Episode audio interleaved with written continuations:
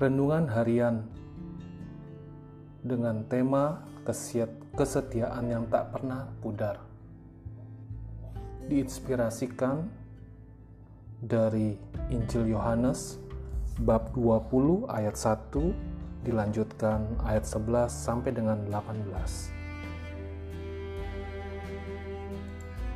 Pada hari pertama minggu itu, pagi-pagi benar ketika hari masih gelap, Pergilah Maria Magdalena ke kubur itu, dan ia melihat bahwa batu telah diambil dari kubur. Tetapi Maria berdiri dekat kubur itu dan menangis.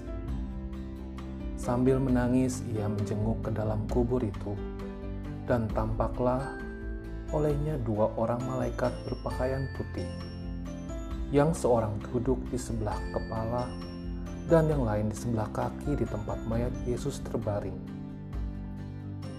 Kata malaikat-malaikat itu kepadanya, "Ibu, mengapa engkau menangis?" Jawab Maria kepada mereka, "Tuhanku telah dipanggil orang, dan aku tidak tahu di mana ia diletakkan." Sesudah berkata demikian, ia menoleh ke belakang dan melihat Yesus berdiri di situ, tetapi ia tidak tahu bahwa itu adalah Yesus. Kata Yesus kepadanya, "Ibu, mengapa engkau menangis? Siapakah yang engkau cari?" Maria menyangka orang itu adalah penunggu taman, lalu berkata kepadanya, "Tuan, jikalau Tuan yang mengambil dia, katakanlah kepadaku di mana Tuan meletakkan dia." Supaya aku dapat mengambilnya. Kata Yesus kepadanya, "Maria." Maria berpaling dan berkata kepadanya dalam bahasa Ibrani, "Rabuni," artinya guru. Kata Yesus kepadanya, "Janganlah engkau memegang aku, sebab aku belum pergi kepada Bapa. Tetapi pergilah kepada saudara-saudaraku dan katakanlah kepada mereka bahwa sekarang aku akan pergi kepada Bapakku dan Bapamu, kepada Allahku dan Allahmu. Maria Magdalena pergi dan berkata kepada murid-murid, Aku telah melihat Tuhan, dan juga bahwa dia yang mengatakan hal-hal itu kepadanya. Demikianlah Injil Tuhan terpujilah Kristus. Hari ini tanggal 22 Juli bersama Gereja Universal kita merayakan pesta Santa Maria Magdalena. Cukup lama secara keliru Maria Magdalena disamakan dengan Maria dari Betania dan perempuan berdosa tanpa nama yang melumuri kaki Yesus dengan minyak wangi. Coba lihat di Lukas 7 ayat 36 sama dengan 50. Pada tahun 1969, hari peringatan Maria Magdalena selaku tokoh yang dianggap sama dengan Maria dari Betania dan perempuan berdosa itu dihilangkan dari kalender liturgi gereja.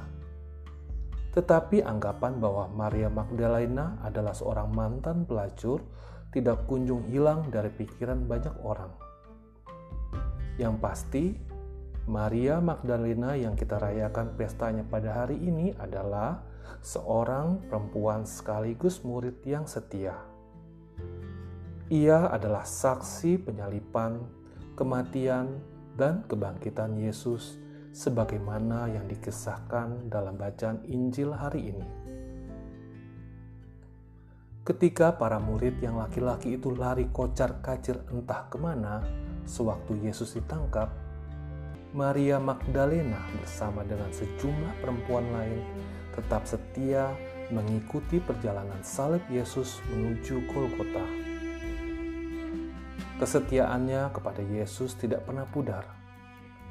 Kitab suci mencatat bahwa Maria Magdalena ada di sekitar penyalipan, kematian, dan kubur Yesus.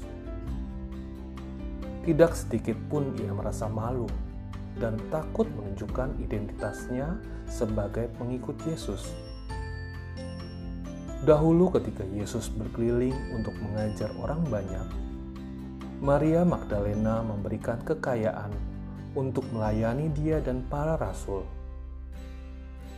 Dia juga memberikan waktu, tenaga, hati, dan pikirannya bagi Yesus. Kesetiaan Maria Magdalena kepada Yesus tidak tergoyahkan dalam situasi apa pun. Dalam suka maupun duka, di waktu mudah maupun di waktu sulit, kesetiaannya tidak pernah pudar. Ungkapan dari Kidung Agung, bacaan pertama hari ini, Kidung 3 ayat 1 sampai dengan 4a. Kiranya menggambarkan hal itu dengan tepat. Kutemui jantung hatiku ku pegang dan tak kulepaskan dia.